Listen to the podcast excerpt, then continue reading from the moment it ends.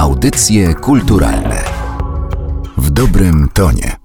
Przed mikrofonem Magdalena Miszewska zapraszam na kolejny odcinek audycji kulturalnych. Znacie serial Peaky Blinders? To oparta na prawdziwych wydarzeniach historia gangsterów, którzy w latach dwudziestych opanowują robotnicze Birmingham. Serial jest świetnie zagrany i zrealizowany, zachwyca od strony wizualnej i muzycznej. Jeśli go oglądacie, to wiecie o czym mówię, a jeśli nie, to gorąco polecam.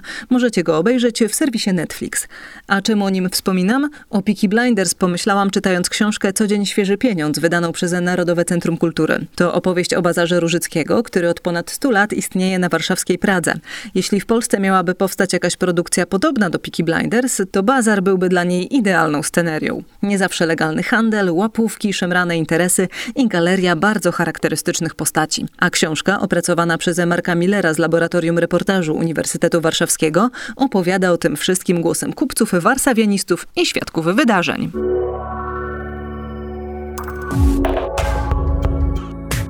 Moim gościem jest e, Marek Miller, reporter i założyciel Laboratorium Reportażu Uniwersytetu Warszawskiego. Dzień dobry. Dzień dobry. A rozmawiać będziemy o książce wydanej przez Narodowe Centrum Kultury Co dzień świeży pieniądz, czyli dzieje Bazaru Różyckiego. To jest tom pierwszy historii tego, nie wiem czy nie najsłynniejszego warszawskiego bazaru. Za cara, za sanacji i za Niemca. Taki tytuł noszą rozdziały i dają nam już obraz tego, o której części historii bazaru będziemy mówić. Ale zanim ta historia, to może właśnie krótka charakterystyka Bazaru Różyckiego, bo ja wiem, że każdy, kto jest z Warszawy albo mieszka tutaj długo, z pewnością wie, co to jest za miejsce, z pewnością ma z nim związane jakieś historie. Ja na przykład w Warszawie mieszkam bardzo krótko i byłam w tamtych okolicach, byłam na bazarze Różyckiego, no ale w tej chwili on zupełnie nie przypomina tego, czym był e, dawniej. No w 60 latach na przykład się mówiło, że jedź na Pragę przez most Śląsko-Dąbrowski koło Niedźwiedzi po lewej stronie i niedaleko cerkwi skręć na prawo na Targową i dojdziesz do bazaru Różyckiego. Więc jeżeli mamy scharakteryzować bazar, to to jest bardzo trudne, dlatego że na przestrzeni 100 lat ponad miał on różne okresy, więc za każdym razem miał jakby inną barwę, inny kolor, inny był w okresie okupacji hitlerowskiej, inny był za cara, a inny był w tym złotym okresie PRL-u, dlatego że bazarów istotnych w Warszawie było wiele.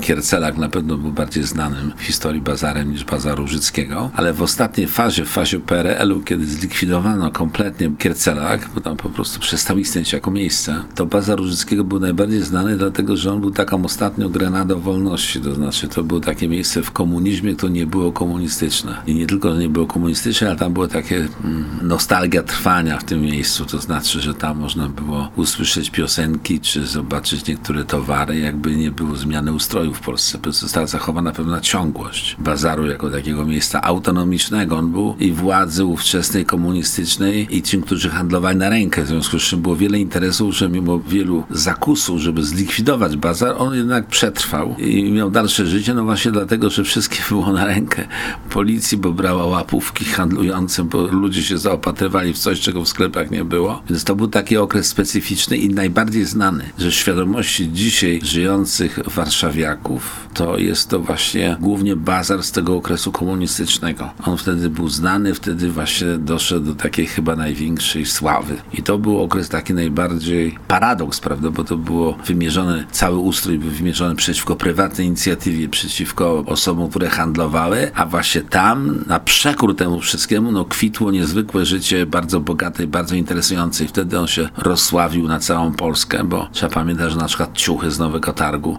częściowo również trafiały na bazę Różyckiego i w Nowym Targu się oczywiście o niej mówiło. Mówiło się w Łodzi, bo część materiałów, których szyto ubrania trafiało na bazar Różyckiego, ale miejsce skąd pozyskiwano ten materiał było w fabrykach łódzkich, więc można powiedzieć, że to miało zdecydowanie zasięg poza warszawski. Ale wspomniał pan już o tym, że Bazar Różyckiego liczy sobie lat ponad 100. Pod koniec XIX wieku założył go Julian Różycki, farmaceuta i społecznik, tak chyba byśmy powiedzieli. Bardzo ciekawa postać. Niezwykle, bo w tych wspomnieniach, które zostały, jest on określany jako człowiek, który potrafi się układać dyplomatycznie, potrafi znaleźć dukt porozumienia z władzami carskimi, bez którego nic nie było możliwe należał do rodziny żydowskiej, która przyszła na katolicyzm i w związku z tym był człowiekiem między dwoma kulturami. Pozostał wierny swojemu żydowskiemu pochodzeniu, wspomagał żydowskie organizacje, zakładał kolej, pomagał w szpitalach miejscowych, bibliotekach, także był działaczem społecznym, który jakby pozyskał tą miejscową ludność, bo dla tych biedaków, bo to była ta biedna część Żydów handlujących na bazarze, był dobry pan, był łaskawy, to znaczy przymykał oko na to, że oni nie w terminie płacili, więc po prostu był człowiekiem ogólnie lubianym i szanowanym.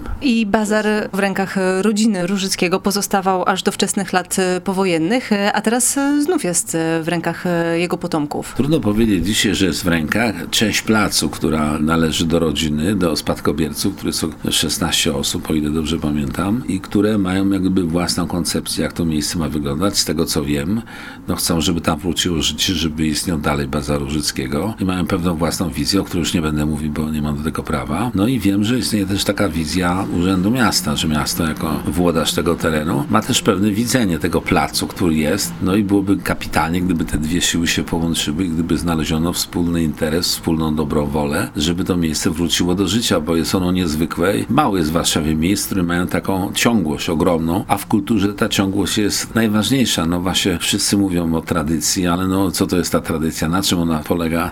No staraliśmy się to w książce oddać, napisać o tym, żeby ona być może się przydała przy tych negocjacjach, które się toczą, może by się przydała, żeby w sposób najlepszy, najbardziej odpowiedni odtworzyć e, to, co w przyszłości będzie Bazarem Różyckiego. Na pewno rodzina należy do najlepszych pomysłów, żeby tym wszystkim zarządzać, bo nikomu to jak rodzinie, która jednak jest nazwiskiem połączona, mimo tego, że się różnie dzisiaj nazywają potomkowie, to jednak oni pochodzą z tej rodziny i oni najlepiej tego interesu będą pilnować, no bo kto będzie pilnował lepiej? To my nie zajmujmy się w takim razie tym, co wydarzy się z Bazarem Różyckiego, a zajmijmy się tym, co tam już się działo, a działo się sporo, bo nie tylko to było miejsce, w którym kwitł handel, nawet e, na ulicę Targową mówiło się, że to taka marszałkowska prawobrzeżnej Warszawy. Tam wymieniano się informacjami, co oczywiste, plotkami sąsiedzkimi także, ale wymiana idei to jest e, także proces, który zachodził na bazarze. No idei to w takim rozumieniu potocznym, prawda, idei, bo oczywiście bazar miał swój pomysł na temat Polski, na temat patriotyzmu, na temat e, handlu, na temat zysku, na temat wychowania dzieci i oczywiście, że bazar był takim miejscem, gdzie te informacje wymieniano. No przypomnijmy sobie, że był czas, kiedy nie było telewizji, jednak nie było telefonów komórkowych i takie miejsce wymiany informacji na pewno bazar spełniał. Ludzie tam przychodzili, mówili o tym, co myślą, co czują, co nadciąga, o niebezpieczeństwach, o zagrożeniach, ale też o szansach. To było miejsce bardzo takie pełne ludzi przedsiębiorczych, w związku z tym ta wymiana informacji była ustawiczna od wymiany, ale wiadomo, że to właśnie w okresie PRL-u to był silny taki punkt cinkciarzy, na przykład które waluty, jakie, w jakiej cenie, to stanowiło codzienny obrót w rodzaju pewnej giełdy, który tam był.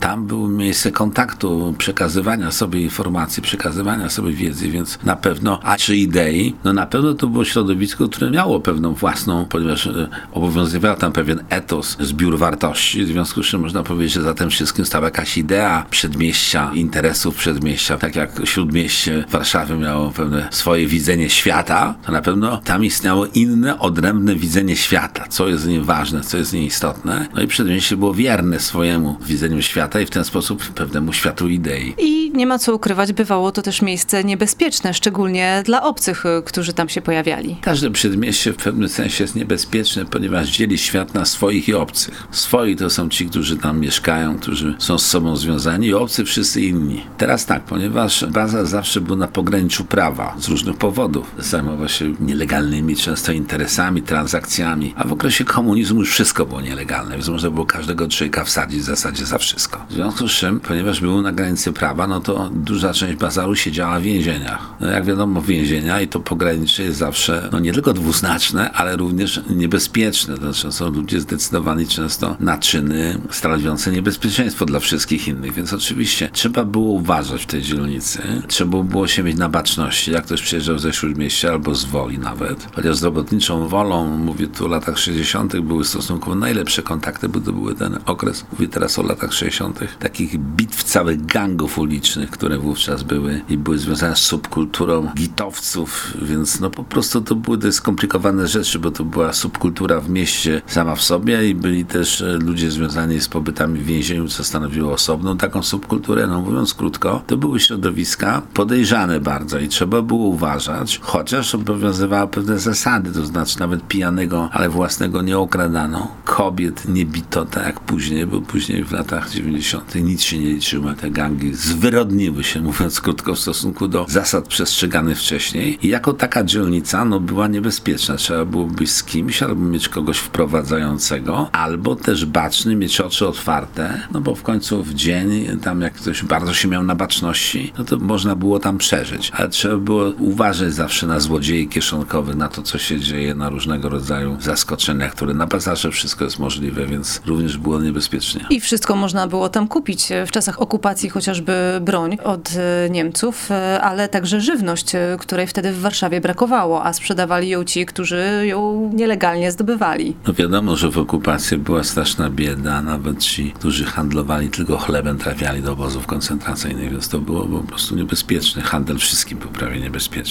Poza tym bazar był nadziany agentami gestapo, którzy po prostu wiedzieli, że to jest takie miejsce kontaktu, więc tam zawsze byli jacyś agenci. Nawet Niemcy, jak sprzedawali broń, to nie było wiadomo, czy to nie jest prowokacja. Bywały takie przypadki, których tam opisujemy, kiedy Niemiec proponował broń, jak ktoś chciał go kupić, to ten Niemiec tego chcącego kupić po prostu go zastrzelił, prawda? Bo to był prowokator, więc to było bardzo takie miejsce, szczególnie tutaj, jeśli chodzi o okupację, bardzo dwuznaczne, bardzo niebezpieczne, ale między innymi tam też w okolicach rozbrajano Niemców, którzy tam przychodzili, to był szpital kolejowy, więc w różny sposób y, tą broń zdobywano. Od zakupów, które się zdarzały, po rozbrajanie Niemców i puszczanie ich w kalesonach na ulicy na przykład. Takie przypadki też były. I sporo takich e, opowieści znajdziemy w książce Codziennie Świeży Pieniądz, bo ona w zasadzie stoi tym, co o Bazarze Różyckiego mówili ludzie. To nie tyle jest książka przez pana napisana, ile zmontowana. To sformułowanie pojawia się najczęściej przy okazji opisu, jak ta książka wygląda. To są właśnie odpowiednio poukładane opowieści ludzi, którzy mieli z tym e, bazarem cokolwiek wspólnego, opowieści zbierane przez wiele lat. To jest nasza twórcza metoda, którą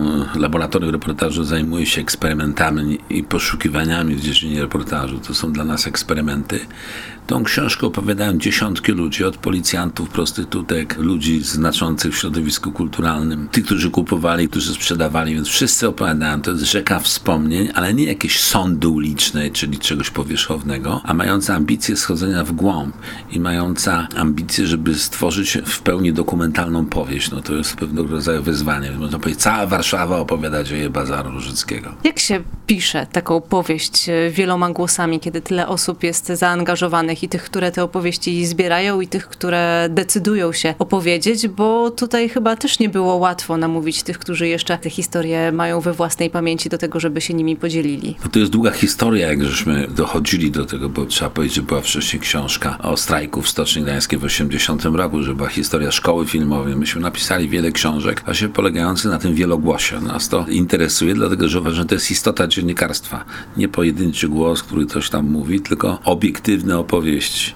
Kiedy nas interesuje odtworzenie tej rzeczywistości, a nie autorski stosunek do niej, tylko jaka ona była. Ta rzeczywistość jest głównym wyzwaniem. Jak to się robi? No przede wszystkim trzeba mieć świadomość tematu, o czym opowiadamy, tak? Trzeba przeszkolić e, ludzi, którzy idą i zbierają te informacje. Wiele tych informacji się odrzuca. Myśmy dziesiątki relacji odrzucili po prostu, bo one się powtarzają, są nieciekawe, nic nie dodają, prawda? Ludzie nie mają do powiedzenia, więc trzeba tylko to, co jest rzeczywiście ważne. To jest ciekawe, że to jest kondensacja tekstu, ponieważ każdy tekst musi wnosić coś nowego, pogłębiać lub poszerzać, inaczej nie wchodzi.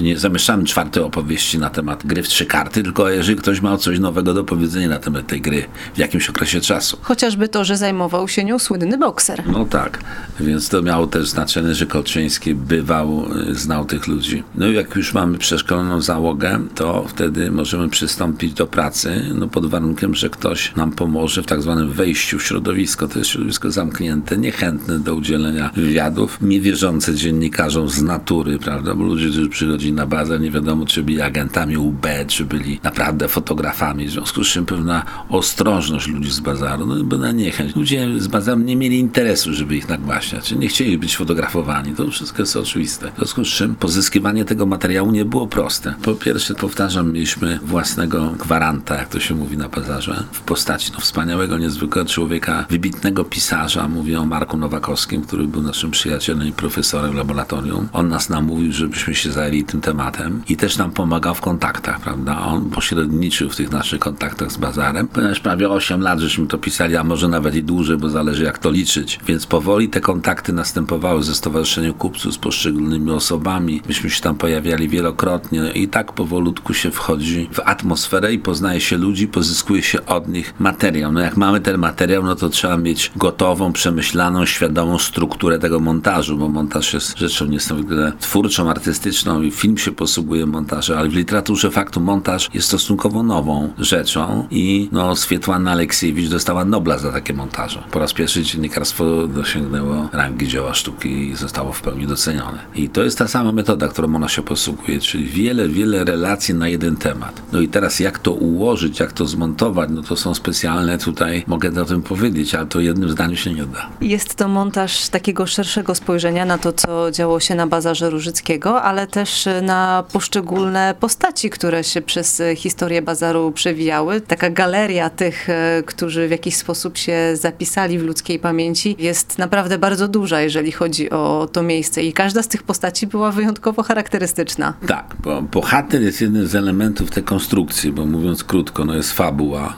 wydarzenia po kolei. Są motywy, czy elementy, które się powtarzają, tylko za każdym razem z innej strony, na przykład właśnie ta gra w trzy karty. Są wątki takie jak wątek żydowski, czy wątek kapel bazarowych, prawda? I jest e, w każdym rozdziale bohater. Jeden lub dwóch głównych bohaterów każdego okresu.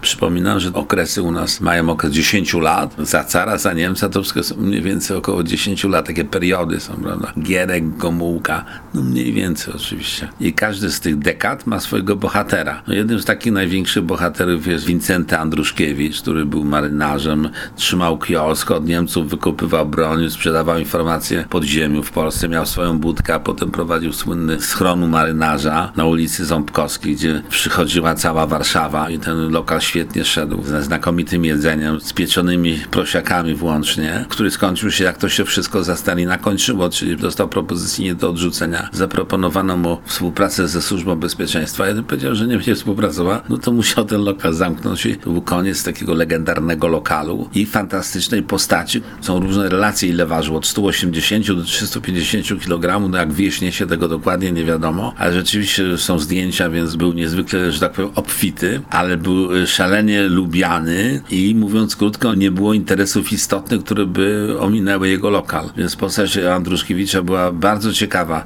Znał Kolczyńskiego, znał po prostu wszystkich ludzi charakterystycznych charakterystycznych w tym okresie, w 60 latach zniknął z tego świata, ale ta legenda o nim myślę, że przetrwała do dzisiaj i wśród ludzi mających swoje interesy na bazarze jest to postać ciągle wspominana i znana. Bo to też jest oddzielny temat do analizy, co ludzie pamiętają i dlaczego właśnie to? No właśnie, że to jest ciekawe pytanie, dlatego że może ci ludzie nawet nie mówią o faktach, które miały miejsce, ale raczej mówią o tym, jak pamiętają te fakty i co chcą przez tą pamięć powiedzieć, bo to, co człowiek pamięta, wiadomo, że jedno z najbardziej zawodzących rzeczy jest pamięć. No, po prostu pamiętamy bardzo różnie. Każde te same wydarzenie często pamięta różnie. Więc ludzie często opowiadając, próbują nadać tym swoim opowieściom ostateczny sens. No to są opowieści nie do końca sprawdzone, prawda? Opowieści bazaru, które są zmitologizowane często, często przekręcane, ale właśnie w tym wielogłosie, no bo gdyby to jedna osoba opowiadała, ale jak to dziesiątki osób opowiada, to jednak wychodzi jakiś chór, prawda? Nie bezładny,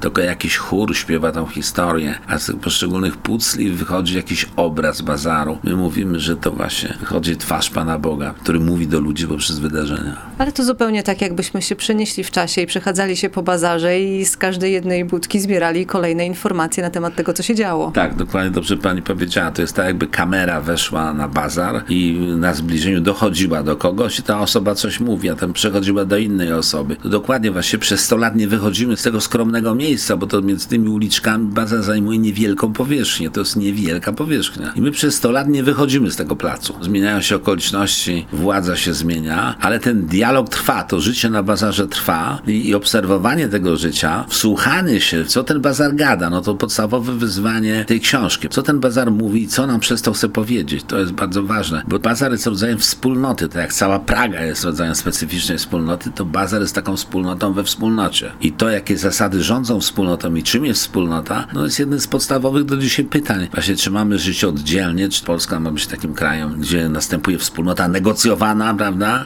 Homoseksualiści 10%, komuniści 8%, prawica 14% i tak między sobą to negocjujemy, czy też to jest wspólnota odczuwana. Bazar był wyraźnie wspólnotą odczuwaną, gdzie rządziły pewne prawa i pewne wartości, takie na przykład jak lojalność albo bezpośredniość, bardzo ważne, do kogo można mieć zaufanie. Więc czym jest wspólnota, na jakich zasadach ma funkcjonować, to jest ważne, bo człowiek z natury swojej jest bytem relacyjnym, człowiek sam w sobie jest skończony, jak mówił Feuerbach i nic tam ciekawego specjalnie nie ma poza chorobą psychiczną. Człowiek w kontakcie z drugim człowiekiem staje się człowiekiem naprawdę wolnym w kontakcie dopiero, czyli w takiej wspólnocie. W związku z tym definiowanie wspólnot, ich ewolucja, zwłaszcza co z tym wszystkim będzie. Na przykład my, dziennikarze, powinniśmy być, właśnie podstawową funkcją jest podtrzymywanie więzi społecznej. Czy powinniśmy opowiadać historie, które ludzi łączą. Nie jakieś pojedyncze, tylko te historie, które są wspólne.